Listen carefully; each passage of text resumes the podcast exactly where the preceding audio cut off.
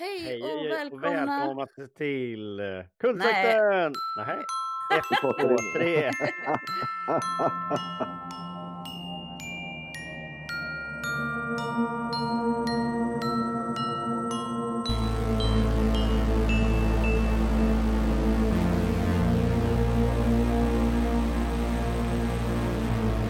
Vi är en podd om skräckfilm, eller hur? Det är väl en lämplig... Eller hur ja. Och Ja. nu, eh, nu har vi, idag har vi vår första gäst någonsin.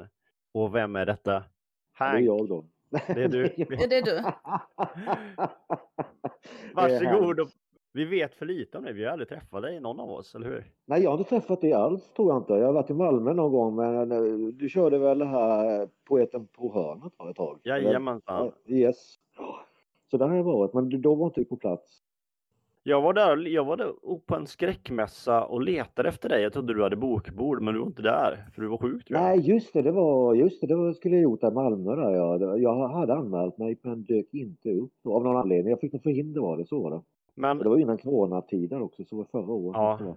Men du driver eh, förlaget, eller? Escapix. Tid- Ja, ja. es, eska, alltså Escapix eh, körde jag ju. Det, det drog igång eh, ja, 05 måste det vara. Faktiskt Mm. som jag drog igång det. Och så körde jag det eh, i tio år, eh, sista åren i Stockholm. Då. Eh, Mm. och gav då även lite, började faktiskt som en antologi Escapix. Så att säga. Men sen blev det ju mer ett bokförlag så vi gav ut romaner och sådär och körde lite, även lite klubbar och sådär vid boksläpp i Stockholm. Men eh, Gött. sen har jag ju Ja. liksom lagt det på is i fem år ungefär så att det är ju liksom lite åter, återuppkick nu. Som Ja. antologi då. Inte, inte som bokförlag utan det blir enbart, enbart skrifter och eventuellt då man skulle lägga tiden då någon form av novellpodd leker jag på tanken också. Man får ju se där om man hittar någon som kan eller några som kan läsa in och sådär va. Men det är väl som, som Ja. kanske ligger rätt nära i tiden då. Och vi har sett eh, Carrie från 1976. Eh, Brian De Palmas. Eh, Av Stephen... Baserad på Mm. Stephen Kings eh, roman Carrie. Ja. Första roman faktiskt. Ja, mm. Det är hans debutroman. Han skrev novell innan King enbart. ja. Mm. Alltså, Har, ni, för... har ni läst den till nyligen eller något? Jag har inte läst. Jag har läst den men det var länge sedan. Ja, det var länge sedan också. Jag läste den som typ tonåring tror jag. Då när man läste King liksom. Eller sena tonåren typ. Ja. Jag läste Men jag har den fil- filmen har jag sett. Mm. Jag läste den kanske senast hela för ett år sedan och sen så har jag småskummat lite inför, inför denna Okej. podden igen.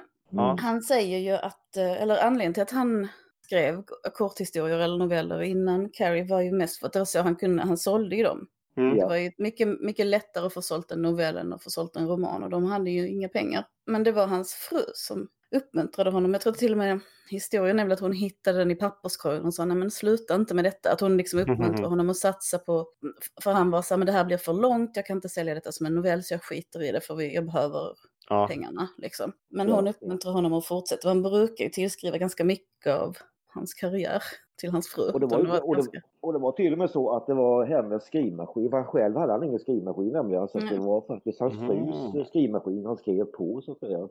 Ja, men hon det verkar var- vara ganska, Mm. hon verkar varit en av förutsättningarna för hans, eh, alltså det är väl fint ändå om man lever ihop. Ja, det är jättefint. Ja, ja, och ja. så hjälps de åt mycket liksom. Och de var ju Ehm, verkligen, som ni sa, verkligen fattiga då. Alltså, det var ju liksom, de levde ju nästan på hans novellhonorar han fick liksom för att sälja. Och det var Mm. kanske, det var ju inte så här, men på den tiden så sålde, alltså de, när de sålde noveller, de tidningarna där, de hade ju ändå rätt, alltså relativt hyfsade betalningar på den tiden, till skillnad från idag. mm. Ja, det var svårt att Ja. sälja noveller. För... Men Ja, det jag är svårt tror, att han, alltså, mm. jag tror att han också jobbar på tvätteri eller något sånt. Samtidigt, eller Ja. om han jobbar på som lärare. Jag kommer inte Var det ihåg. inte, var det inte lärare ett tag han jobbade? Eller jobbade Ja. ganska mycket. Men det var väl bara ett deltidsjobb någonting va? Extra... Ja, precis. Ja, mm. Mm. Ja. Jag har läst hans eh, Att skriva och den är ju ganska biografisk liksom. Jag minns inte exakt. Var den bra? Den var, Den var jättebra, bra. den. Är bra. Ja. Men det var, också, Ja, ja, ja. det var också väldigt länge sedan jag läste den. Alltså, att skriva, Ja. det är nog också så här, typ 15 år sedan. Ish. Och sen ska man ju ta alla skrivråd med en...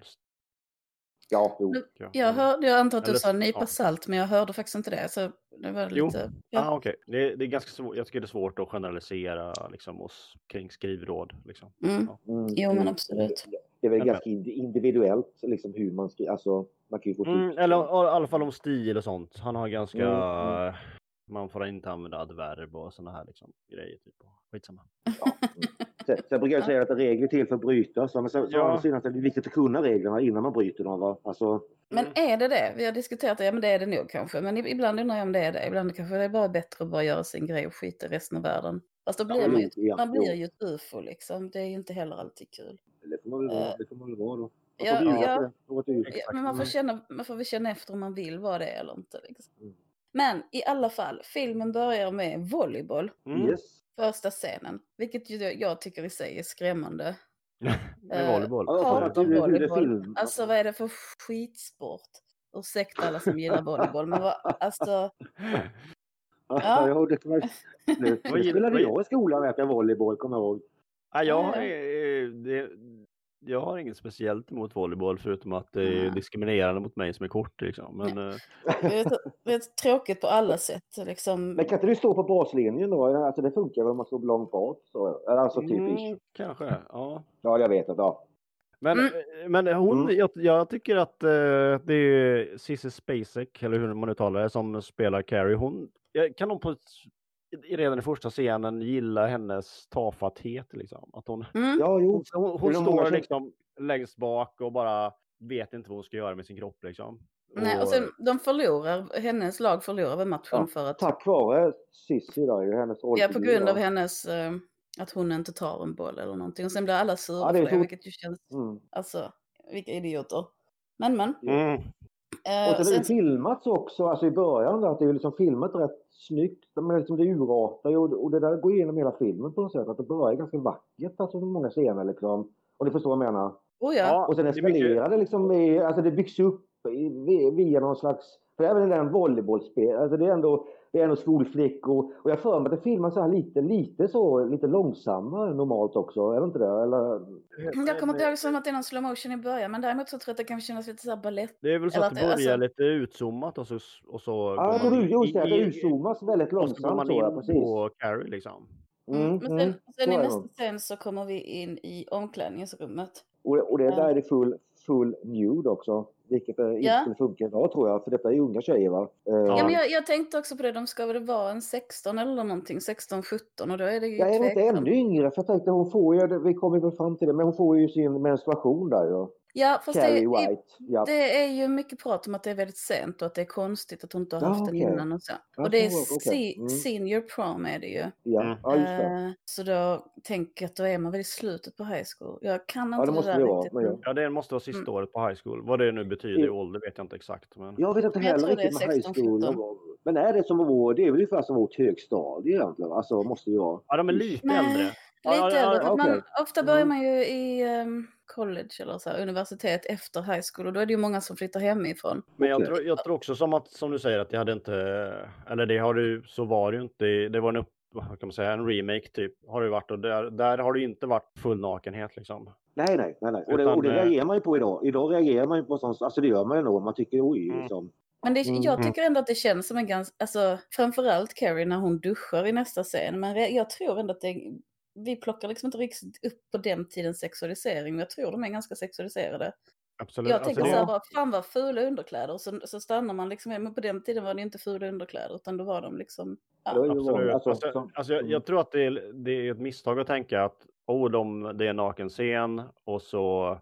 Det var Bara för de har liksom- att, att det är naturligt och avsexualiserat Mm, mm. därför. Nej, jag det är tror inte alls det är det. inte nakna, ki- det är inte nakna killar Nej. liksom. Utan, Nej, utan det är att- bara tjejer va? Alltså precis. ja, och det är ju lite snudd på mjukporrigt liksom. Och, Mm. Ja, framförallt men- film, och, och, och, alltså hon är filmad Carrie i duschen va, om ni minns. Alltså, Ja. i, det är ju så här ånga, det är så här typ lite ånga på linsen så att det är lite så här softad lins typ som brukar vara i såna Och det- porrfilmer. Och, och hon är filmad i slow motion när hon tvålar in sig också. Den är ju liksom alltså. ja, det är, ju- det är lite idag- så här. Carrie Ja. tvålar in, tvålar in sina bröst. Mm. och oerhört när, närgånget också. Ja precis, det är inzoomat. Och sen så Eh, tar hon, mm. vilket jag reagerar på, det här händer en gång till i slutet, sen hon tar en jävla, alltså sån här tvål och Mm. gnuggar den mot ansiktet, alltså en sån vanlig typ handtvål som man, Ja just det, Mm. hela Alltså, en tvålen ja, det. hon bara tar den och Ja. gnuggar den i ansiktet. Jag, jag vet inte hur det var på 70-talet men jag hade liksom inte, mitt ansikte hade inte hämtat sig efter det. Det hade varit så. Ja, Bara ett enda stort rött eksem. Mm. Jag fattar inte det. Hade de annorlunda hud då eller är det liksom regissören som inte vet hur man tvättar sig? Ja. Fråga då. Vi Men där, jag tänker att precis som i eh, volleybollscenen och återkommer så jobbar De Palma väldigt mycket med så någon slags kontraster inom scenerna. Liksom. Att det börjar Ja, med väldigt mjuk, soft musik och sen så blir det liksom blod och trauma. Liksom. liksom. Mm, Ja, exakt. mm. Och jag till och med jag sagt, jag såg det lite grann, jag kollade nu innan här, jag såg några, på Youtube, eh, intervjuer med Brian De Palma om Carrie. Mhm. Mm. Och han nämner det ju så för att han bygger upp filmen så hela tiden med att det skulle liksom eskalera. Liksom. Han började liksom väldigt, alltså alla scener skulle vara typ och även i, i, i probe-scenerna i slutet liksom när de dansar runt och det är som när de pratar och liksom kameran går ju runt paret där Carrie och liksom Men det är väl- innan ja, de det har är- blod... Det är en väldigt lång fin scen på prom liksom. Alltså, så här, Mm. eller, Jättelång scen ja. så här, att, det, att det börjar väldigt vackert så att säga. Att det, allting är bra. I alla fall så tvättar sig Carrie och får blod på handen för att hon har fått sin första mens. Eh, Ja. Hon fattar inte vad det är som händer. Och i boken är det lite mer utförligt att hon har trott att tamponger var till för att fixa sitt läppstift med för någon har ljugit för henne och sagt det. Mm. Och, alltså. Stephen King motiverar hur hon kan vara okunnig för det var ju, det är ändå Mm. lite svårt att förstå hur någon 1976 är 16 år och inte känner till mens liksom. Men en Men- sak som jag tycker är intressant i bara många, när jag, när jag läser om filmen och vad folk säger så är det så här. Hennes mamma skulle berätta det här, hennes mamma skulle berätta det här och det här skulle hennes mamma berätta. Varför har inte hennes mamma berättat det här? Men det finns inget som så här, droppar det genom att så här, det borde finnas sexualundervisning. Liksom. Det är, Mm. Det möjligheten, att, fråga. möjlighet, möjligheten att någon annan än hennes mamma skulle ha Mm. lärt henne det här. Det, det, men det det har du rätt liksom i. Ja, det är Mm. ju jättekonstigt egentligen. Alltså som gympalärare, att inte hon tar lite ansvar i, ja, det är mycket märkligt. För det känner jag heller inte till om det finns sexual, eller fanns, nu, nu finns det säkert men på 70-talet om det var sexualundervisning i den amerikanska skolan, det vågar jag inte. För de har ju lite märklig syn på sexualitet i USA, de har ju alltid haft en slags dubbel Sen, sen kan du, absolut, jag tänker att det kanske är USA som det är, det kanske inte är lika, det är väl inte lika centraliserat som i Sverige, så det kanske är så att i vissa skolor finns sexualundervisning, i vissa skolor finns det inte, det är vissa delstater kanske liksom. Ja, Men, men det, det är säkert inget konstigt att det inte skulle vara sexualundervisning i en amerikansk skola på 70-talet liksom. Nej, men hon måste också väldigt, varit väldigt ensam. Det säger ju någonting om vilken typ av relationer hon har haft med sina jämnåriga också, om de all, hon aldrig har pratat om någon, eller med någon om det liksom. ja, men hon är en outsider ju. Ja. Ja, verkligen. Men hon får män som får panik och Ja. eh, Springer till de andra tjejerna och hjälp mig, hjälp mig, hjälp mig. Så här, liksom. Ja, Mm, med, med blod på handen. Och det är ju Mm. lite, alltså mensblod är ju lite, det är så här, man vill inte ha någons blodiga hand i ansiktet. Hon är ju väldigt så här patetisk och liksom lite motbjudande där. I sin, Ja. Mm. i sin panik, vilket jag tycker Och, Ja, för hon spelar det väldigt bra. Och det är väldigt trovärdigt, precis. Mm. Ja, Och, det, och tjejerna är väl också, den första reaktionen är väl lite så här, ja men skärp dig liksom, kom igen nu. Eller sådär. Mm. Ja. Mm. Men hon skärper sig inte och lugnar sig inte utan är fortfarande helt så här panisk och jättejobbig. Eh, och då Mm. blir de elaka istället för att försöka lugna henne och så sjunger de plug it up, plug it up och kastar Eh, massa- på henne bindor, och sånt, Yes, liksom. yes. Mm. Och handdukar och tamponger och eh, hela köret liksom. Så kommer eh, gympaläraren in och sliter bort dem och liksom, vad håller ni på med? Skäller ut tjejerna lite grann och Mm. liksom hjälper Carrie. Ja, men Eh. också, ger också Carrie en örfil för att hon ska lugna Ja. sig så jävla Ja, hårt. Ja, men det gör jag. Just det, jag. Okej, men Ja. what? Eh, Men sen, eh, det har liksom genom, inte så mycket mer, lite smått har de andra två viktigaste tjejerna fått visa sig här liksom. Mm. Mm. Chris som är den stora elakingen mm. Mm. och eh, Sue som är också eh, liksom håller på med plug it up och kastar grejer på henne men Mm. som ser man snabbt för dåligt samvete liksom. Ja, hon Mm. dras ju med liksom. Hon dras ju med, alltså med på, alltså Mm. så. Hon är inte den drivande elakingen, om man säger så. Nej, Ja. nej, hon är nog längst bak i Plug It Mm. Up-gänget, men hon är ändå där. Alltså, Ja. Det är ju hon som spelas av Amy Irving, tror jag, va? Är det inte mm, det? det stämmer. Mm. Mm. Ja, yes. Nej, men hon har väldigt kru- krulligt brunt hår. krulligt och med brunett krullhår, Ja. ja. precis. Ja, Väldigt, väldigt krulligt hår, stort hår. ja. Spielbergs fru faktiskt, hon blev ju det sen. Mm. Jag läste en intervju Ja. med hon som spelar gympaläraren. Och Mm. hon eh, s- sa en grej som jag reagerar på. Jag inte om ni får säga vad ni tänker om det. Eh, hon sa så här att så här, ja men eh, jag bestämde mig för att eh, spela henne som en lesbisk gympalärare. Och jag blev bara, va? Så här, jag blev Ja, okej. förvånad. Och det, är tydligt, det känns som att det är någon så här eh, kliché som finns, eller som fanns i USA då, att kvinnliga gympalärare är lesbiska liksom. Aha. Mm. Ja, tänk, var det någonting ni tänkte så här, jaha, hon är Nej, inte lesbisk, alls. liksom? Nej. Nej. Det fanns inte, inte, min, inte min bild i Nej, alla fall. Jag tänkte tvärtom. inte så. Nej. Jag upplevde henne som väldigt så här traditionellt, liksom, ja men hon pratar ju om sin prom date som någon kille och hon, Mm. men det är kanske också annorlunda 76, lesbisk var kanske inte, det var kanske inte så att man var superute. Men Ja. där finns ju aldrig någon sexuell spänning mellan henne och någon kvinna, eller det är ju aldrig någon blick. Ja, jag Alltså- funderade på det sen jag såg den igen efter jag hade läst det och hur eh, när hon ska berättar när hon är så här Carrie, ja men du är jättesöt, eh, titta här på dina ögon och dina läppar och dina cheekbones. Mm. Liksom. Eh, men Jag vet inte riktigt, det känns snarare moderligt tycker jag. Men, men jag tycker också att hon får ju det här simmiga i blicken när hon pratar om sin prom date som var kapten för basketlaget och eh, Ja, en just man. det, just liksom. det, just det. Och, Mm. Så att ja, jag känner inte... Nej. Eh, och det, Ja, Det men var det var folk någonting bara i hennes ja. huvud. men, liksom. det, men det var folk som hade tolkat henne som lesbisk också. Och det hade hon tyckt att ja, men vad bra för det, det var meningen liksom. All right. Alltså, det reflekterade jag aldrig över den tanken. Liksom, alltså, det, fanns, alltså, det var ingen som kom upp i mitt... Tittade på Det, men det kan så- också Nej. vara, det kan ju vara tiden. Att man, man uttrycker sånt olika över tid. Liksom. Ja, Alltså vi kanske inte alls ser att hon håller en hemlighet men 1976 kanske det syntes på något sätt som vi inte förstår. Alltså eller det ja det fanns kan ju, några exakt, det kan ju finnas eh, små hänvisningar. som liksom klädkoder här 76 som vi missar till exempel. Ja, Ja. men- ja men också, också ord och grejer Ja. som inte betyder någonting längre för oss. Men som, eller för att vi inte är kunniga om det Exakt. I sin tid. Ehm, Men i alla fall, när efter hon, avbryter ju hela den här um, it up-grejen. Eh, och så går de till rektorn och inne på rektorsexpeditionen går hon omkring och röker. oh, just det. Ska vi bara ta en... Gympaläraren röker liksom inne på... Ja. Gympalan kommer in, skäller ut de andra lite grann, eh, börjar trösta Carrie. Och då händer ju en grej som är den första planteringen här av Carries krafter. Ja, just det. Eh, lampan Just det. exploderar liksom. Mm, Och det Ja, är var det, ju just det. det, är det första telekinesi-prylen mm. liksom, som dyker upp. Carrie det, är det, är på något vis det som avbryter tjejerna också. Att de står ändå kvar och tittar tills lampan exploderar. Då blir folk lite rädda liksom. Ja. Och man får också ja. känslan av att det- är någon slags, i just den scenen för Carrie, att hon befriar sig från någonting som spränger lampan. Att det är precis som att hon är helt i total panik och sen sprängs lampan och då är det som att hon har släppt ut lite av den paniska energin för att då blir hon mer kontaktbar. Jag letade efter det sen om det fanns. Jag vet, där är väl ändå någon slags känsla av att det är en, vad ska man säga, ett utlopp för henne. ja, men det är det ju. En känslo... Mm. En säkerhetsventil nästan, att hon... Ja. Och Jag insåg Det- vid något tillfälle att jag har lite blandat ihop Carrie och Eldfödd. Och sen så Mm. förstod jag också att eh, det är inte så konstigt för de är extremt likartade. Ehm, Ja, de är väldigt lika. dem. Nu, nu när du säger det så är det ganska lik, ja, väldigt lika stories egentligen. men Lika eh, om jag minns det rätt så är det Carrie har ju ett kontroll över sin telekinesi. Eh, mer Mm. än eh, huvudpersonen i Eldfödd. Där det är mer Ja. så här, att det bara är saker som bara brinna utan att hon kan kontrollera det riktigt.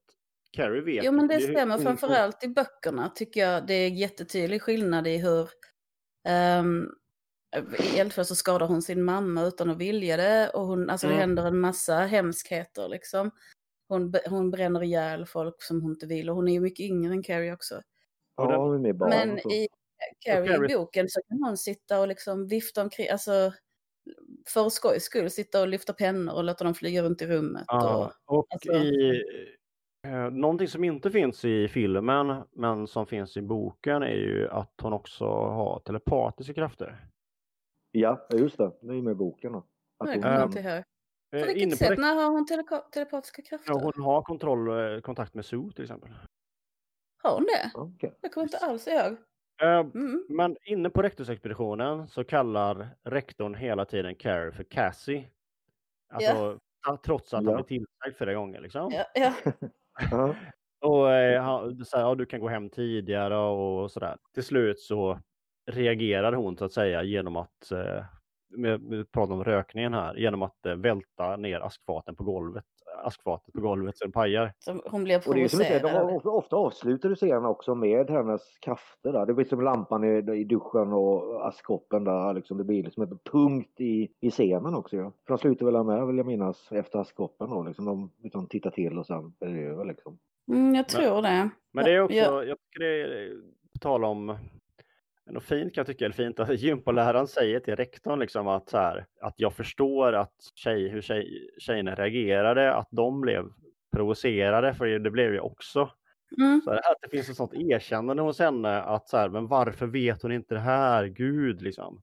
Ja, och, och rektorn tittar, när, när gympaläraren ställer sig, vad heter hon, Miss Collins eller något sånt? När hon Mm. ställer sig nära rektorn så ser rektorn eh, handavtryck eller blod, blod på hennes shorts från när Carrie har gripit tag med en blodig hand i gympaläraren. Och han Mm. liksom så här ryggar tillbaka bara Ugh! Mm. Att det liksom Mm. är, Och hon där är så är här, ju någonting lite så, och ja. hon, Jonas gympaläraren är ju så här, men gud det var bara mens liksom, kom igen så här. Det, du måste Mm. veta det här lite grann. Jag tycker det är ändå intressant att han tar upp det där liksom äcklet inför blodet. Mm. Det är ett spännande tema. Så får, får uh, Carrie sticka hem och så ringer skolan väl och berättar vad som har hänt tror jag. I alla fall. Ja, för mamman där. är det- Ja, Mm. precis. Och då har mamman en sån här skitskum religiös tidning som hon börjat slå på Carrie med. Det är liksom inte alls en bok eller något sånt utan det är som en... Vet, vet ni vad, kommer ni ihåg den? En helt så här Ja, ja, tramsig jag men, inte- men, ja, ja, det är som typ, är det, vad är det Jehovas kommer med en sån här, Ja, men typ, ja. ja, typ så, en sån här kul, Som en jättestor skrift. pamflett. Och så läser hon ur den om hur Och, eh, hur, eh, ja, men, det är väl i Bibeln så att det här med att föda barn att det ska göra ont och blodet är väl syndernas straff för kvinnor. Liksom. Ja, det är Men det är ju kanske inte på, på individnivå, det kanske man inte ska tolka det så. Men Nej, mamman det- gör ju det Bara, nu har du syndat, nu börjar det blöda. Sen- är det väl så att mammans avsky för, alltså för det, det var ju det att hon, hennes enda, som jag fattade som, hennes enda sexuella relation, det var ju när hon sen blev gravid med Carrie. Mm. Alltså hon träffade ju man. Och hon Mm. säger ju det i filmen också, hon berättar ju liksom, att hon tyckte att det var skönt och det var det hon avskydde liksom. Mm. Eh, hon kände sig syndfull liksom. För att hans, hans äckliga händer var ju vid henne, hela hennes kropp, hon berättade det i någon scen ju. Eh, Mm. Mm, ja, när, när, när, hon får, när hon får Carrie då så att säga, när hon är ung då. Ja, och då tyck, hon verkar också tycka att hon skulle egentligen ha haft ansvar att döda Carrie eller sig själv när hon var gravid eftersom hon har Mm. begått det här En brottet. har synd, en synd Ja. liksom. Ja. Mm. Eh, Och i, eh, tar boken hela tiden, men i boken framgår också att hon har inte förstått att hon var gravid utan hon har trott att hon hade cancer och att hon skulle Mm. dö. mm. Och fött Det, men det minns jag barnet inte heller. Det var, det själv. var länge sedan. Mm, mm. Ja, men alltså Men- fött barnet utan sjukvård och helt själv. Och, Ah, man, mamman är ju ett religiöst nutcase liksom. Och, Mm. Ja, jo, jo. Och det är väldigt, eh, ska man säga, fin scen där, när det är fin, eh, alltså en bra scen menar jag, när Carrie försöker så bara säga bara, men mamma du skulle berättat för mig, du skulle berättat för mig. Och hon bara Mm. mäss, mässar liksom och bara mm, eh, citera det här, Carrie citera det här ungefär liksom. Och så här, Säg efter mig så här. Och få syndernas förlåtelse liksom. ja, precis. Och Carrie säger också att hon vill inte. Alltså, hon försöker ju hela tiden göra motstånd och vill inte säga att hon är dålig på olika sätt. Men hon måste ju göra det. slä- Släpar in henne i ett eh, bönrum liksom. Mm, en Ja, liten just det. skrubb Liten där hon stänger skrubb. in henne. Och där det, det enda ljuset som finns är ett ljus man tänder under ett, eller på ett altare. Så det blir, och där ska, hon, ska Carrie då be. Och jag trodde Mm. det var... Ju- Jesus, jag Jesus tror inte det är. Jesus. Det kan inte Ja, vara Jesus.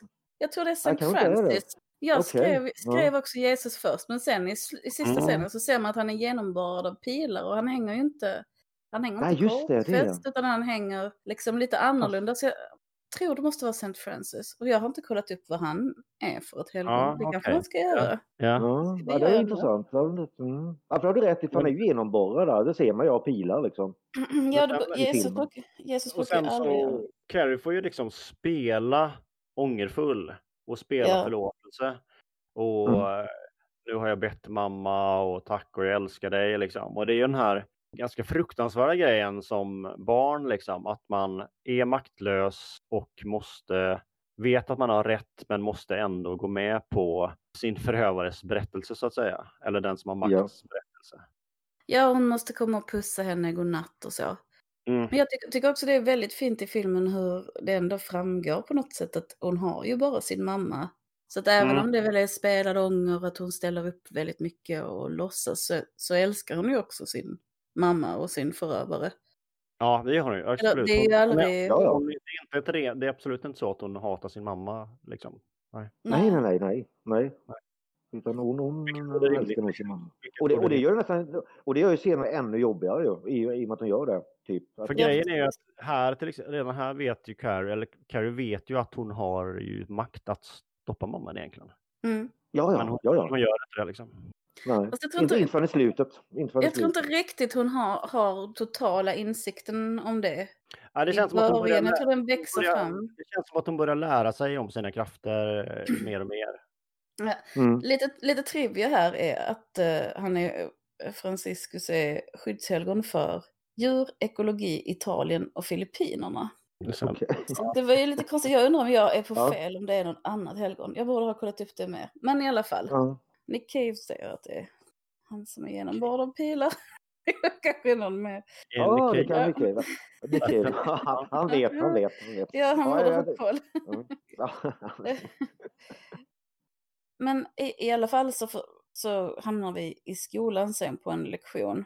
När Mm. en lärare läser eh, elevernas poesi och håller på att läsa Tommy Ross poesi då, Sue Snells pojkväns poesi. Och det är, det är någon Mm. väldigt gullig dikt om så här att vi borde tycka om varandra och inte köra bilar. Typ. Alltså, Det är lite den är miljöförstöring. väldigt, att, eh, ja, eh, väldigt eh, rar. Ja, Mm. men, men jag tycker oerhört liksom gullig. Och Carrie uppskattar den säger it's beautiful. dikten. Ja. Och, och, Och, och det är väl William Catt som spelar honom va? Alltså i filmen där, William Catt, han som var med i de här, någon tv-serie på 70-talet. Han var någon superhjälte vad det var. Ja, För jag okej. kände igen honom mycket, det kan Ja. säkert stämma. Mm. Ja, men jag, Alltså, det är från bara alltså, 80-talet, alltså, typ, de, de, de driver med superhjältar liksom. Typ. ja, Ah, okej. en, gammal, en gammal tv-serie. Alltså, Du tänker, 70. okej. Eh, jag Mm. tänker att han har också det här 80-tals snyggutseendet med lockigt blont hår. Mm. Så här babyhår nästan har ju liksom. Som en kille liksom. Alltså, blott, Mm. eh, kille med blott, eh, lockigt blont hår. Att det är så här. Åh, lite grann. Ja, Ja, ja. Mm. jag är mycket för, förbryllad Mm. över hår, eh, överhuvudtaget hårstyling i filmen igenom. Jag kan liksom inte riktigt greppa För det känns vad, ändå- vad de är det- ute efter. det kan man För det känns, för det känns extremt även för sin tid va? Så deras hår känns Ja, extremt även för Var 70-talet det va? det? Liksom. Jag känner det mig bara att det är en annan vi- tid, verkligen. Där kan vi ju Mm. tillägga att eh, Carrie är rödhårig och har också klassiska rödhåriga hår. utseendet Mm. med, med eh, massa fräknar och ganska blek hy liksom. Och väldigt Och- rakt hår. Alltså hon har ju ett väldigt, alltså jämfört med de andra har hon ju väldigt rakt hår. De andra har ju väldigt så här löviga frisyrer liksom. Mm. Jag, jag, jag har inte liksom, måste erkänna att jag inte riktigt tänkt på det själv. Så, Nej, okej. Jag har sagt något elakt om rödhårig någon gång, men jag har Nej. träffat på en tjej som sa liksom det att, att speciellt tidigare så var det, det förekom liksom inte i, i tv-serier och filmer en rödhårig person som inte var konstig på något vis. Alltså antingen Nej. eh, skurk eller kufig eller udda liksom. Eller Ja. översexuell eller någonting. Att det var, så vid något tillfälle så var det någon tjej som var rödhårig i en film och hon och hennes, hon liksom, hennes syster sprang till henne och sa så här bara, Det är en rödhårig tjej på tv som är helt normal.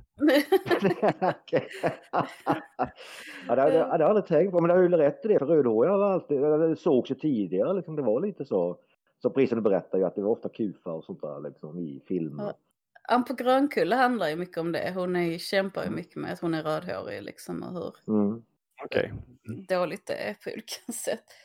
Eh, Men i boken faktiskt så är Carrie, det tycker jag också är väldigt fint hur, hur Stephen King har skrivit fram det. För hon är liksom finnig och tjock och som, att det här med att hon, hennes hår är rakt det är för att hon inte går till någon frisör eller alltså alla Mm. andra har ju permanentat hår och Mm. Alltså det där som kanske ser, vi tycker är ett fult hår, det har väl ändå varit det de har strävat efter. Liksom. Alltså Mm. det är ju frisyrer som är gjorda, man ska säga, okej, Ja, vi ja, har, har Ja, inte är det. extre, alltså extrema, alltså det är ju det, va? de Ja. är extremt gjorda. Liksom. Men det Ja. kan ju vara en sån tanke med det också att de, de ska sticka ut. Alltså, Ja. Att Carrie ska sticka ut mot dem även där då, liksom, Mm. i och med att hon har väldigt rakt och de har väldigt krulligt då, att det blir liksom en kontrast där också. Liksom. Ja, där. ja. Läraren driver ju stenhårt med Carrie för att hon kommenterar att det var en beautiful dikt liksom och så här, oh it's beautiful, beautiful, beautiful liksom. och, och där är, dyker eh, hennes första jämnåriga allierade upp så att säga.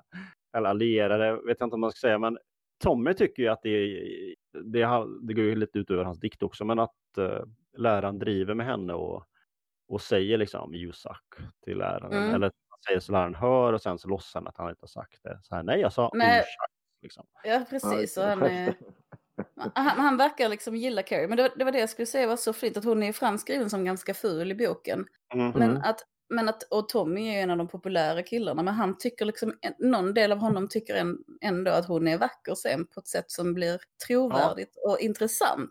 Ja. I boken framförallt, att det blir, Ja. ja men det blir, så- det blir en intressant kommentar på något sätt om För, inställning. för i filmen är hon ju definitivt inte ful ju egentligen Carrie. Hon är ju, alltså, man kan ju förstå att hon blir mobbad. Hon har ett speciellt utseende hon är inte, hon är Mm. inte ful liksom. Alltså, Nej, nej, nej, nej, Det är verkligen hon, inte. inte. är en- hon är ingen klassisk skönhet men hon, hon är ju liksom ganska söt egentligen. Alltså sådär ju. Ja, Mm. ja verkligen. Jo, mycket. Och, och kanske mycket satt upp för att Stephen King baserade ju Carrie på två eh, tjejer han växte upp med som blev mobbade. Mm. Eh, och som sen inte levde till de blev 30, någon av dem. Som liksom Mm. spökade Mm. i hans eh, medvetande. Jag kommer inte ihåg, de dog unga, det var kanske yngre än 30. Jag, jag kommer faktiskt inte ihåg. Eh, en tog livet av sig och en dog av någonting annat. Eh, men här, så att utseendet och allting är liksom deras som han har tagit. Jag tycker, jag tycker det är någonting fint i hur han liksom velat ge dem upprättelse.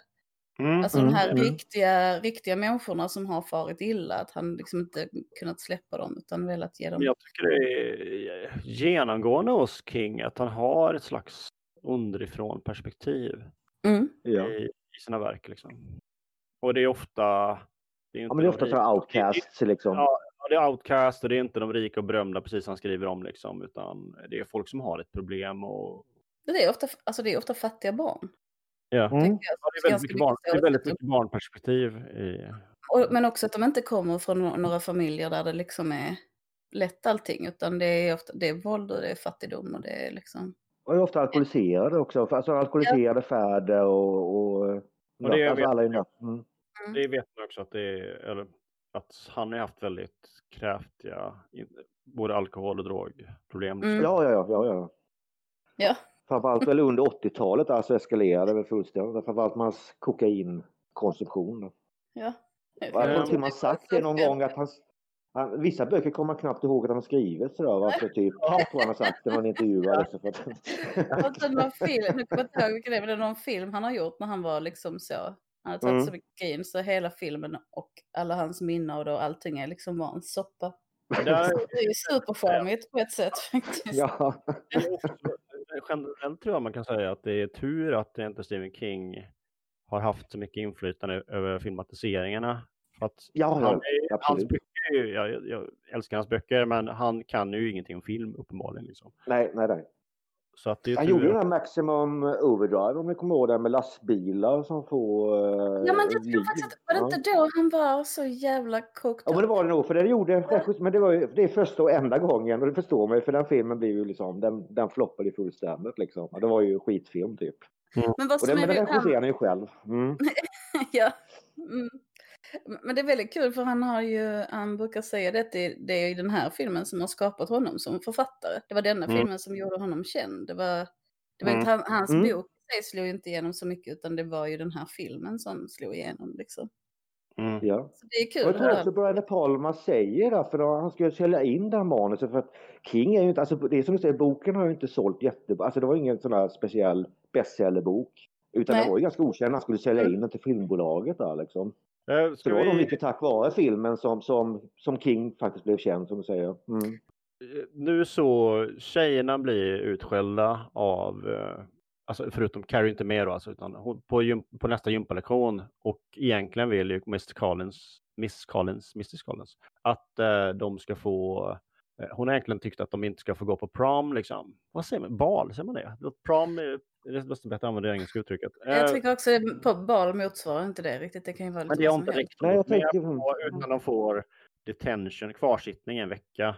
Och hon gör klart att det är jag som kommer ha er ha- kvarsittning och jag kommer ja, tvinga er att eh, ni kommer liksom, eh, vad ska man säga, det kommer vara fysisk misshandel i form av träning.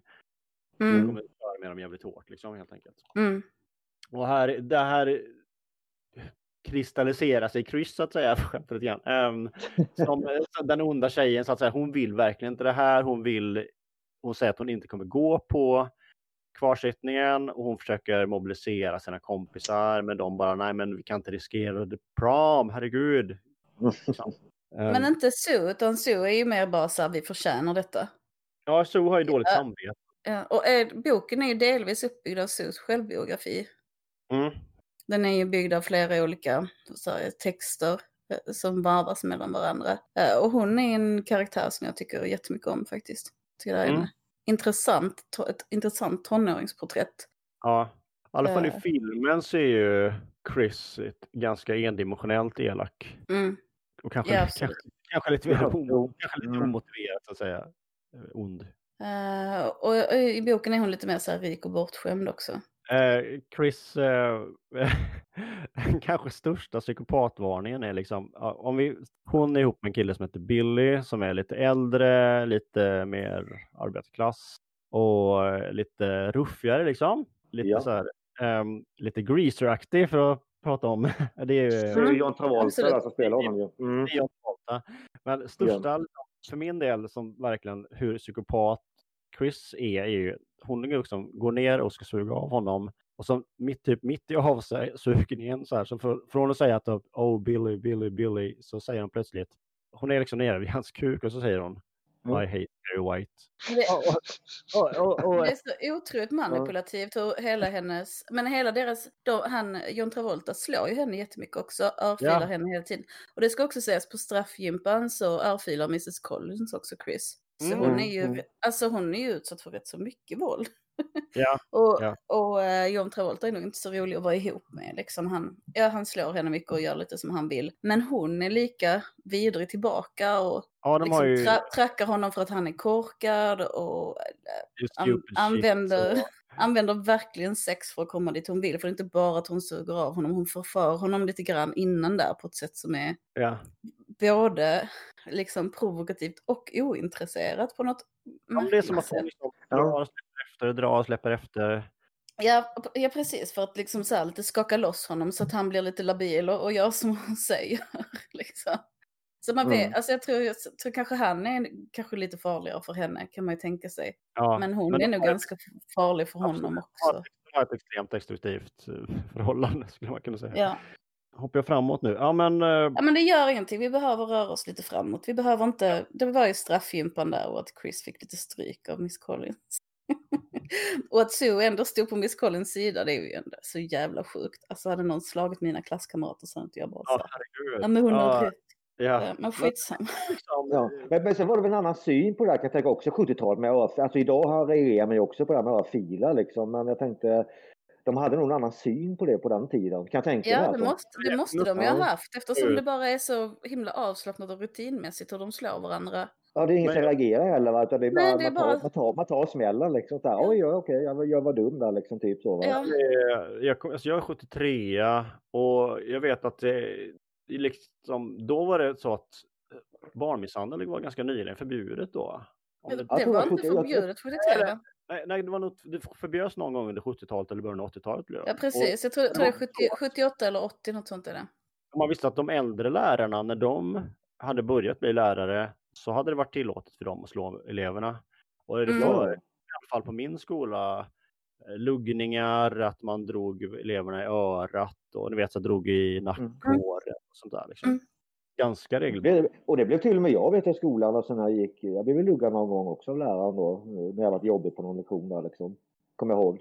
Sen, Och det, man, det, det svalde man ju. Alltså på, på den tiden. Liksom, ah, okej, fan nu är. Liksom, typ. Vi hade en Alltså, lärare som så här, kastade trätoffla, en trätoffla i huvudet på en elev. Alltså så det, Ja. var så här, det var ganska vilt och ganska mycket våld ibland. Jag kommer ihåg att det var någon lärare som tyckte att mina föräldrar eh, liksom skulle misshandla mig och jag bara, men det kan de inte göra. Och han bara, men fem rapp förtjänar du. Och jag bara, okej. Alltså, Det var, Ja, men det var en annan tid, det var ju en annan tid, så var det ju. ja, och den, och den tiden kom, kom efter en annan tid som var ännu grymmare. Alltså, Mm. och det, Ja, men det är konstigt att se nu. Det finns en, om eh, Billy och Chris är eh, liksom vilda paret som eh, Ja, har sex och ut och åker bil och slår varandra och, och eh, eller han slår henne. Och, eh, Ja, hon, hela tiden. ja. Jag dricker Ja. öl bakom ratten och slår. Ja. ja precis. Och han, hon liksom mentalt, ska man säga, psykiskt misshandlar honom liksom. Så Mm. är ju Tommy och Ross, eh, Tommy och Sue är ihop och de är ju ett skötsamt par liksom. Som snarare Mm. sitter och ihop. Mm. Och Sue vill då ha dåligt samvete för hur de behandlade Carrie och vill då att Tommy ska ta Carrie till The Prom istället. Och Men det tycker jag är så himla fint. Det är så liksom... Det- det är det. Jag håller med, men jag kan också tänka, här finns, jag undrar så här, liksom, finns det en underton här av att egentligen så vill inte Sue själv gå på The Prom med Tommy? Ah, du menar att hon inte är så himla kär i honom längre eller så? Till exempel. Och inte Ja. vågar säga det. Ja, jag har inte reflekterat heller över det, men det kan ju vara så faktiskt. Att hon inte vågar. Det, var, ja, ja, det är ingenting som framkommer någonstans, men det är ju en rolig teori. För att, Mm. men, men, henne, men hennes beteende är ju också ganska så normbrytande, det här med att liksom dela med sig av sin pojkvän för att vara snäll. Eller att de är Mm. liksom generösa. Han är ju så här the hunk liksom. Och så är de Mm. helt så generösa med honom båda två. Att han, alltså jag vet inte hur jag ska förklara det annars, men det är liksom lite, alltså, det, det är väldigt, ja, men jag tycker det är väldigt, det är väldigt rart och omtänksamt. Och det finns ju någonting i, framförallt tycker jag, i så här tonårssexualitet och när allting är otydligt som handlar om, om generositet. Mm. Liksom att folk kan bli väldigt glada av små saker. Eller alltså så att det, Det, jag tycker det är ja, jättefint att det avbildas så. absolut. Och så det är väldigt, för min del, att det, men generellt att det var inte så tydligt när man var tonåring. Det kunde vara så att folk liksom var ihop ena veckan, så gjorde de slut nästa vecka och så blev de ihop med någon annan och sen blev de ihop igen. Och, alltså det, nu är det relationen Ja. lite längre liksom. Mm. Ja men vi, vi hade nog också, jag och mina kompisar, vi hade någon sån här slags bild av att äh, sexualitet är någonting flytande på ett helt annat sätt. Än, alltså Ja. så här, alla är bisexuella, allt, allt funkar på något konstigt 90-talssätt liksom. Ja. Som jag också tror hör tonåren till. Ja, men, är, bok, man ex- exploaterar ju mycket i Ja, men- tonårstiden. där, liksom. Ja. men precis, så kanske inte är fastlåst i def- definitioner på samma sätt. I alla Mm. fall var inte vi det. Mm. Ehm, men i, i boken så är det ju många som ifrågasätter Sus historia och så här, tycker att det inte alls är trovärdigt att en tonåring liksom delar med sig av sin pojkvän till en mindre populär tjej för att hon ska få lite stjärnglans och så. Men Sue håller fast vid att hon verkligen bara ville göra något fint för Carrie.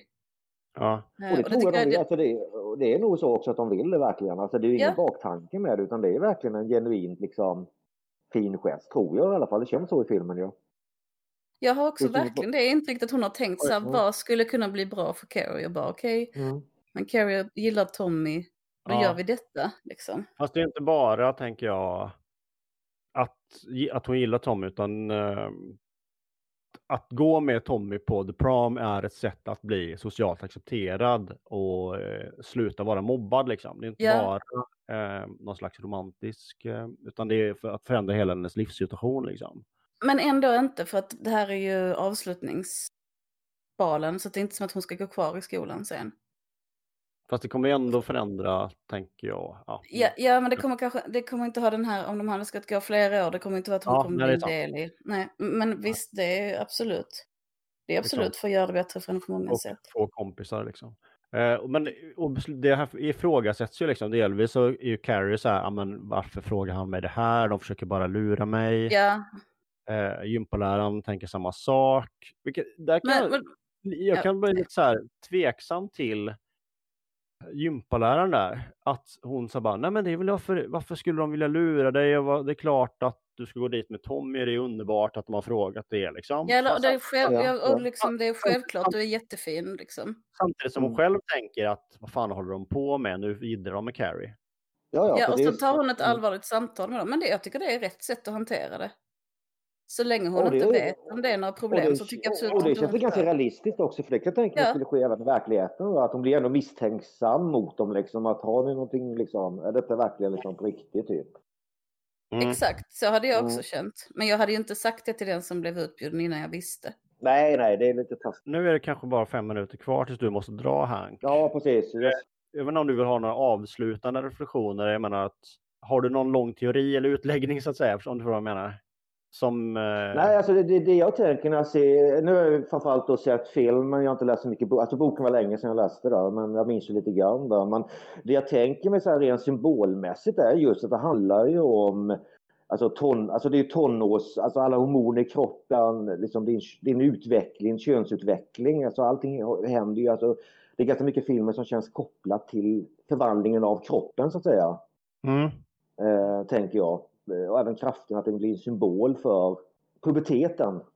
Ja, Ja, jag tycker Ja, också men- jätte... mm, mm. Har ni sett Edvard Munchs eh, tavla Pubertet? Nej. Nej, den är inte så. Nej, men skriv den får mig också att tänka på, tänka på Carrie faktiskt. Mm, mm. Att det är samma, samma känsla i den, även om det inte är någon... Det var Ja, för det är så jag jätteroligt. känner med filmen, att det är så- alltså just för liksom, pubertets, liksom, all förvandling och, och då är ju också känslorna är ju på alla håll och kanter också just i liksom, Ja. för, i, för puberteten. Liksom. eh, så, så, så att det är en symbol för det, liksom, tonårs, det är en tonårs, som ni sa innan också, high school-film, alltså det är ju en, hela den, och, och de åren där liksom. Det är finns ju en inbyggd religionskritik kan man säga. Ja. Ehm, och det, och det, Ja, men det är också mycket, det är mycket religion, alltså mamman där ju, om den kris, alltså en slags, med det här med, med skuld, skuldbeläggandet på något sätt. Mm. Men jag tycker det är jättefint att, att göra det till, nå till någonting på individnivå. För det är ju någonting som väldigt många kristna tror på det här med Mm. smärtan som syndernas straff för kvinnor. Det ska göra ont att föda barn och liksom, det är naturligt. Mm. Och, Jag hoppar gör lite det. i och med att det snart går där. Bara en scen till och intressant pratar om mamman där ju. Eh, för det slutar ju med att Carrie då får utlopp mot sin mor där och, och alla köksknivar. Hon blir ju spetsad också precis som den Ja. här statyn i hennes, i Carries rum där, där hon liksom, vi pratade om, om det var han. Eh, och den scenen där är också intressant. För där får ju nästan mamman en eh, sexuell njutning av att bli spetsad av köksknivarna.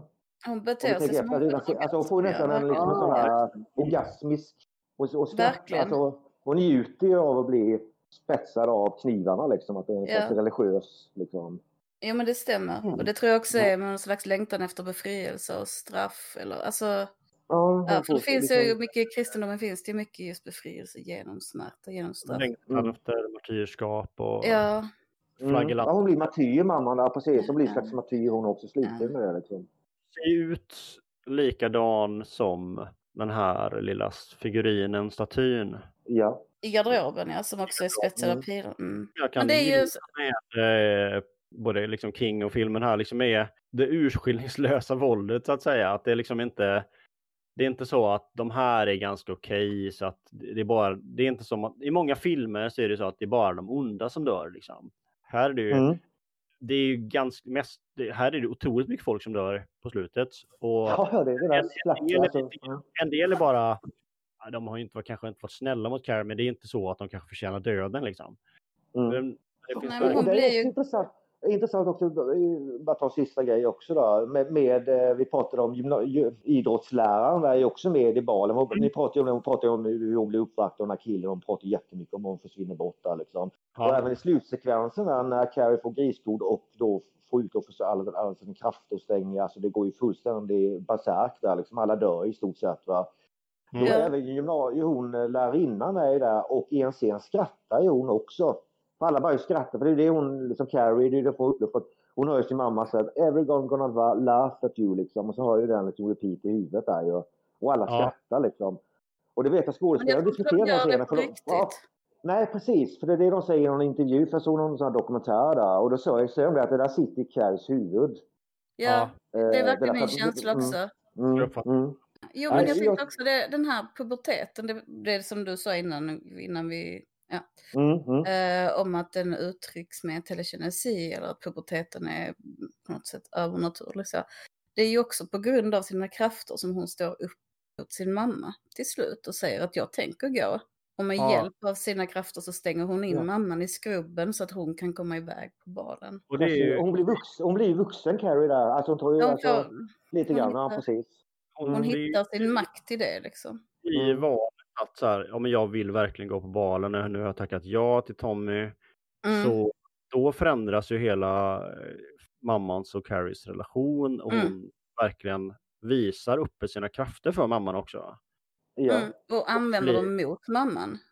Och, vilket och ju Carrie också- blir självständig också, alltså lite så Mm. också gör, i den scenen då. Mm. Men också helt, vad, vad jag tänker där också som händer är att hon blir helt ensam. För att hon, eller så, hon kny, knyter ju med det, eller så här, klipper med det lilla hon hade och sen går hon, hon iväg med Tommy. Men när det sen i hennes huvud visar sig att alla har lurat henne så har hon ju ingen. Mm. Alltså, hon saknar ju helt. För mamman har ju tolkat hennes krafter som att hon är en häxa också. Ja, ja. Yes. För det är det ju också, det är ju en häxfilm, alltså på ett sätt ju. Besatt av Ja. djävulen. liksom. Mm. Verkligen en häxfilm tycker jag på, på många sätt. Eh, nu är klockan Hanks- kvart, Hanks timer gick. Ja, timern i. Yes. Ja. Ja. men jag ska, tusen tack då. Jag, fasen, jag hade kunnat fortsätta Tack mycket längre här. Jag måste tyvärr iväg här ju, så att, Ja, vi fortsätter spela in. Yes. Eh, Okej, vi tackar. Ja, tack. Det var jättekul att du var Ja, med, Hank. tack. Tack själva. Eh, Jättekul, och det ska bli kul att läsa eh, Escapix och det ska bli, ja, det ska bli jätteroligt allting. ja. Ha det gott. Ha det jättefint. Ja, ha det med. Tack, hej. Hej, hej. Ja, en sak som jag tycker är ganska så coolt är att Sue och Tommy, de har ju ett samtal med gympaläraren om, alltså hon vill ju prata med dem om varför de bjuder Carrie, hon är ju rädd att de vill henne illa.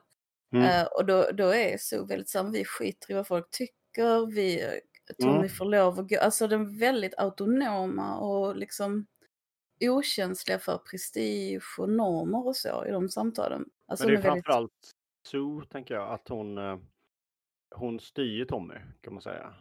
Här också. Ja, men han är ju inte... Alltså han är ju, han är ju väldigt också mixad det här i vår ensak. Mm. Eller hur? Han, alltså i början är han ju lite motsträvig till att han ska bjuda Carrie, men när han väl har accepterat det så är han ganska så 100% på, tycker jag. Mm. Och Carrie frågar ju honom hela tiden varför bjuder du mig och varför gör du det här och så. Och han hittar ju alltid svävande svar som inte är lögner. Så han säger ju aldrig Ja, för att. Sue, Sue vill, utan bara för jag gör vad jag vill. Eller alltså på olika sätt, du, du ska också få gå på balen. Eller att han, han Ja, hittar hela tiden... ju, det är inget så här, eh, han, han tar med henne som någon slags plikt heller liksom. Det är ju inte Nej, eh, han är ju, försöker få henne att bli avslappnad och må bra och ha liksom, och det visar sig ju senare också så att, att han har, har eller får genuina känslor för henne. På något sätt ja. Liksom, sen vet jag inte hur mycket det bara är någon slags generös omsorg.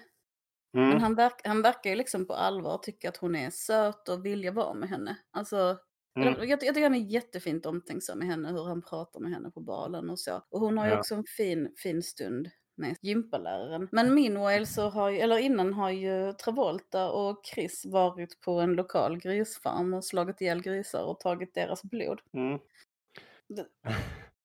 Konstig scen.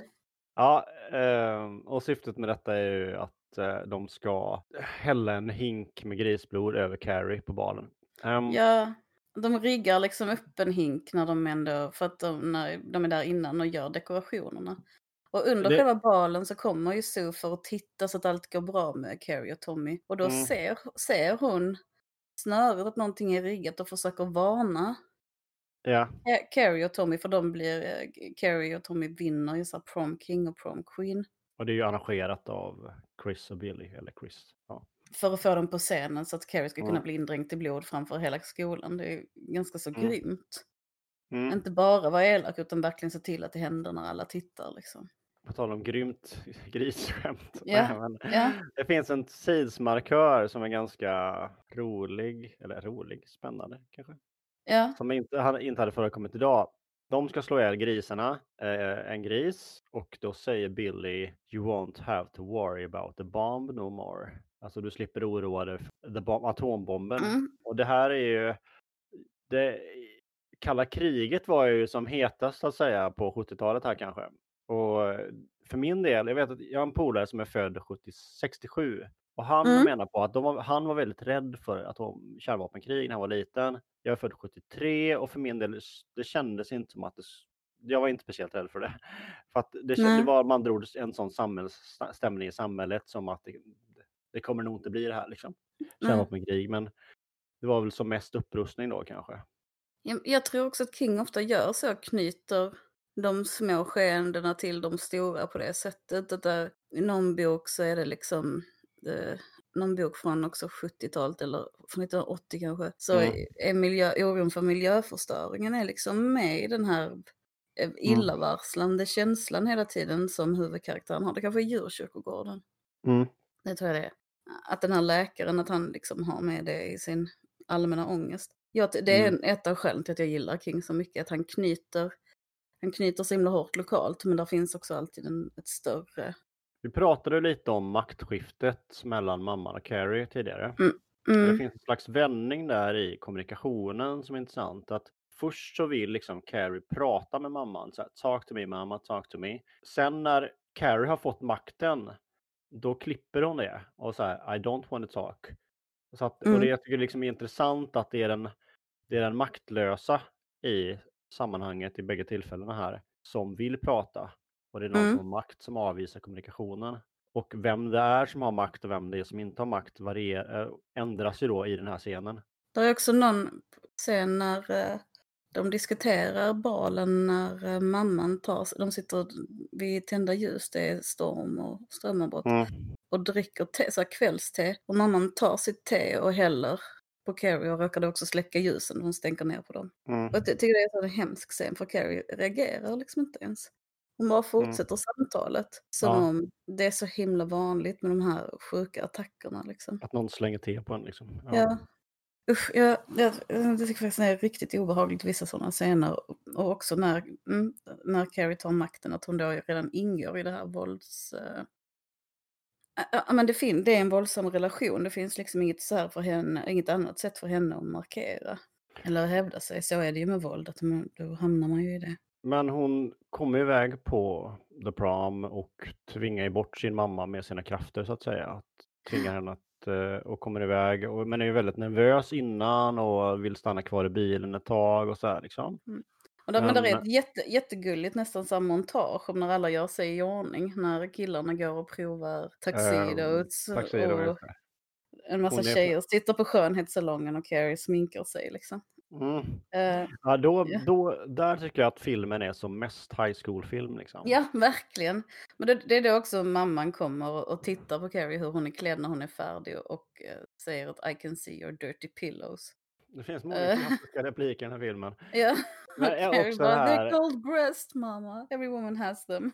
Ja, och Mm. det är också det här med när Tommy vill ta med henne till The Prom och hon berättar det för mamma och då bara Oh the boys, the boys. Så här, först kommer blodet, sen kommer pojkarna som They're drawn to the eh, blood.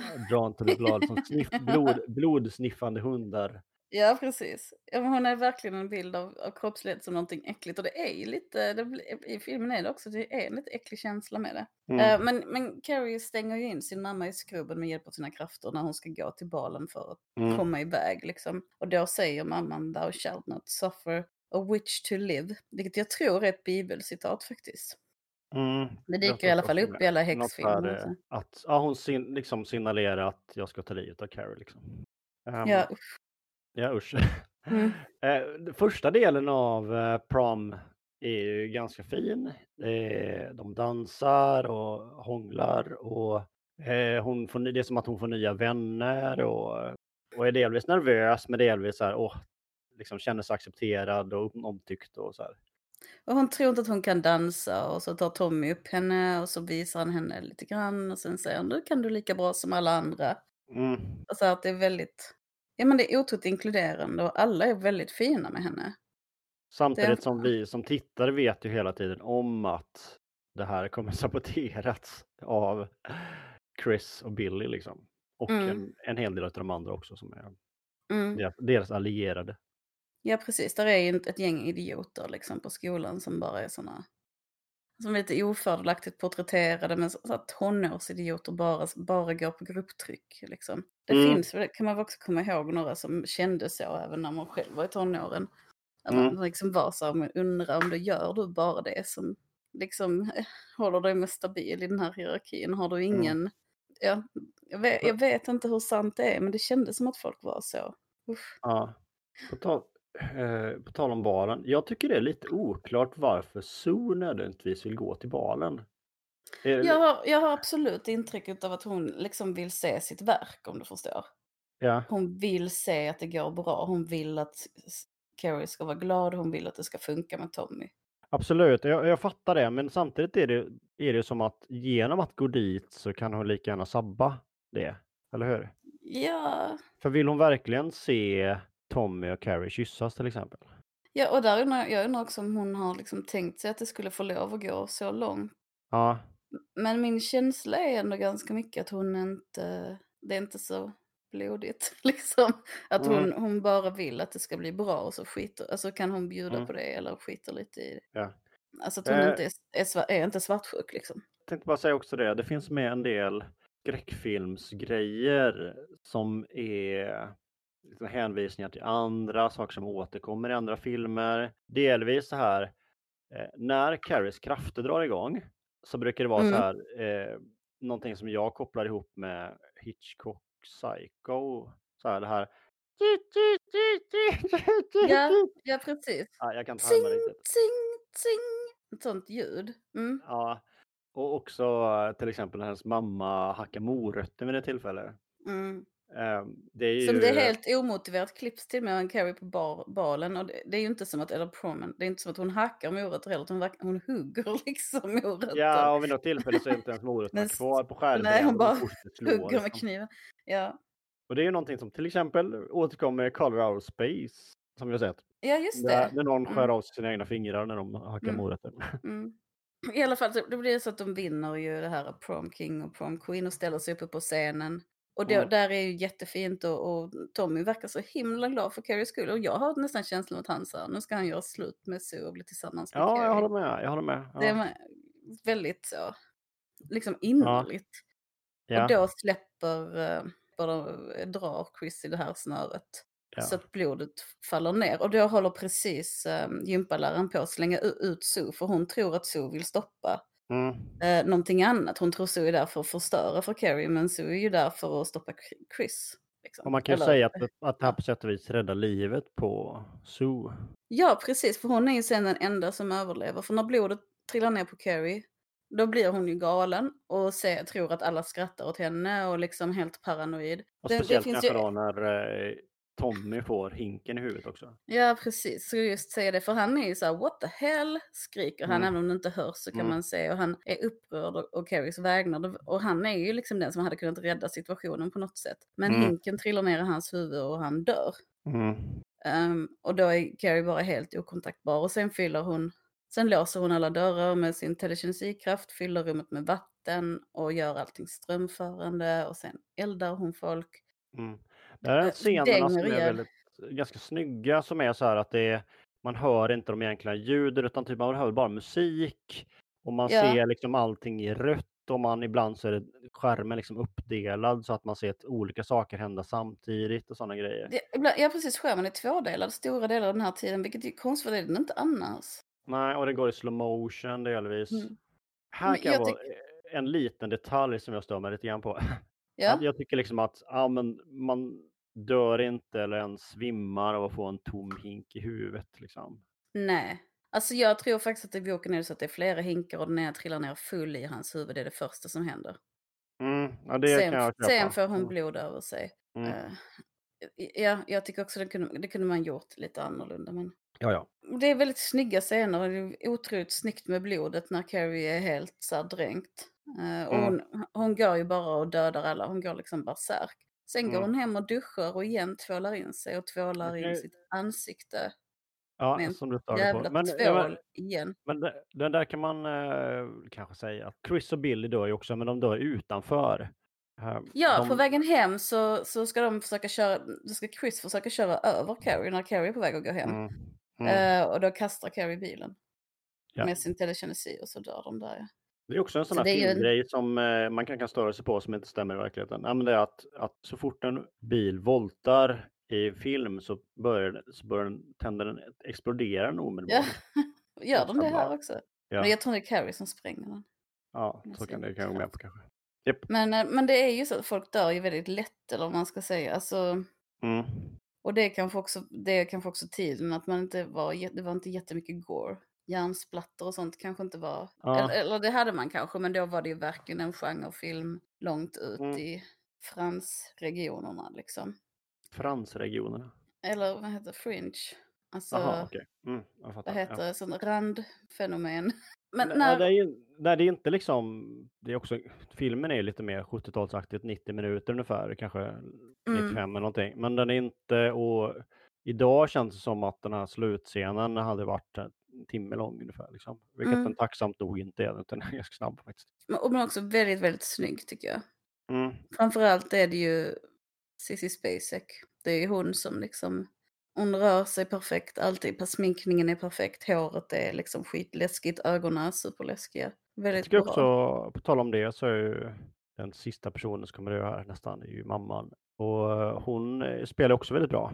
Fantastisk. Det är Mm. när, när hon, efter hon har duschat så tar hon på sig ett nattlinne och försöker få allt att vara som vanligt med sin mamma. Fastän hon Mm. precis har mördat hela skolan. Hon är så här, de skrattar åt med mamma och ja. Mm, ja. precis. Jag Eh, tänkte inte på det första gången jag såg den, men andra gången jag såg filmen så var det så bara, men du kanske skulle fly eller någonting. Liksom.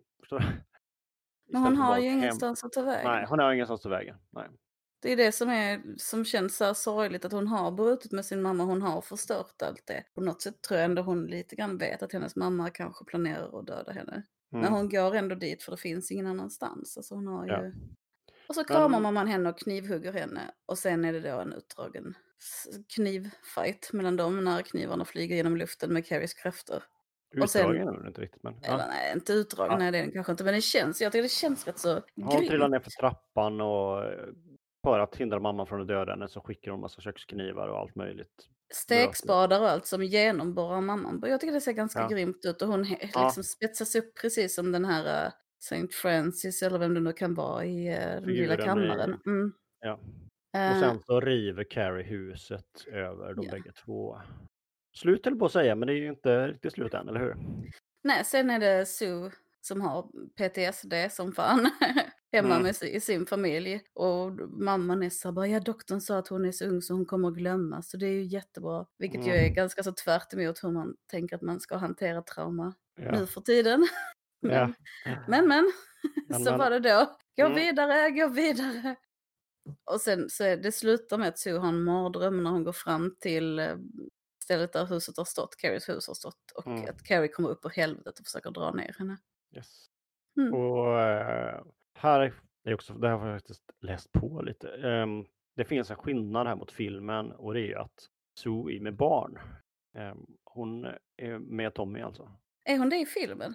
Nej, hon Eller är i inte i boken? I, i boken Nej, är hon visst det. nej, det är i boken hon är det. Ja. Mm. Mm. ja. Och det, det är en anledning också till att, som jag förstått det, till att um, Carrie inte dödar henne liksom, i boken. Aha. Ja, det kan säkert stämma. Det kommer jag faktiskt Mm. inte ihåg. Och det var den filmen. Det var den filmen. Stephen King är ju... Vi hade kunnat ha en hel podd om Stephen King bara, eller hur? Det finns rätt så många poddar om Stephen King. Ja, det gör det säkert. Ja. Eh, de- Det är två, två som jag gillar, som jag brukar lyssna på. En sänder inte längre, men man kan lyssna på de gamla avsnitten. Supercharmig. Den heter Mm. The, Dark, The Dark Mu- Multiverse of Stephen King. Mm. En, bar, en bartender och en författare som pratar.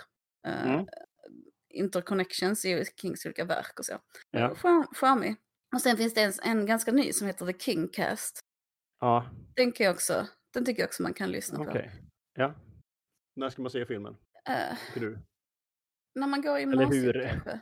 Ja, bra förslag. Nu börjar ju för sig eh, min äldsta är ju snart 12 år så det är ju lite, är Ja, inte gymnasiet men nej, men snart är det kanske dags. Eller när man går i högstadiet så. Det är ju en, Mm. det är ju en tonårsfilm på något sätt ändå. Ja, det är roligt på något vis att se amerikansk 70-tal också. Ja, Och så kan man tycka att om man gillar high school-filmer och sånt så är det också en bra idé att se Carrie. Även om man kanske inte är så förtjust i skräck, men om man gillar, säg att man gillar Breakfast Club till exempel.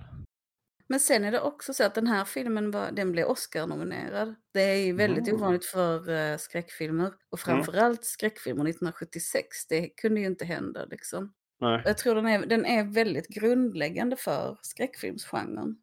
Mm. Tror jag. Alltså jag tror den Mm. har påverkat mer. Och jag tror, tror att Kings, eh, King har påverkat mer än vi förstår. Och Carrie har påverkat mer än vi förstår. Hur, hur Mm. skräck internationellt har utvecklat sig.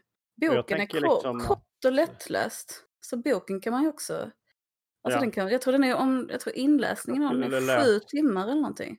Alltså Oj, inte man kanske alls. skulle läsa den igen känner jag. För att Mm. jag tycker ju nu att min sen, jag läste en av hans senaste böcker och den tyckte jag var för lång. Liksom, att han, jag menar, han kanske var mindre pladdrig när han var yngre. Men, men den är i alla fall rätt så kort. Och, Mm. och liksom sammanhållen på något vis. Vilken var det du hade läst som du inte gillar? Uh, Outsidern. Den The serien är Outsider. faktiskt bra. The Outsider. Den Serie eller jag- filmserie? Mm, tv-serie. Ja, Mm. okej. Jättebra. Det är mer, eh, det drar ju mer åt kriminalhållet också. Mm. Serien är också ganska ny. Det är roligt att se nyare. Mm. Finns det på Netflix eller vad? Nej. Nej, jag kommer inte ihåg om det är som har gjort den, om det är HBO eller vem det är. Gillar du den? Tycker du det är en bra film? Ja, det tycker jag. Jag tycker den är, ja, väldigt bra. Ja, det är jag nog. Mm.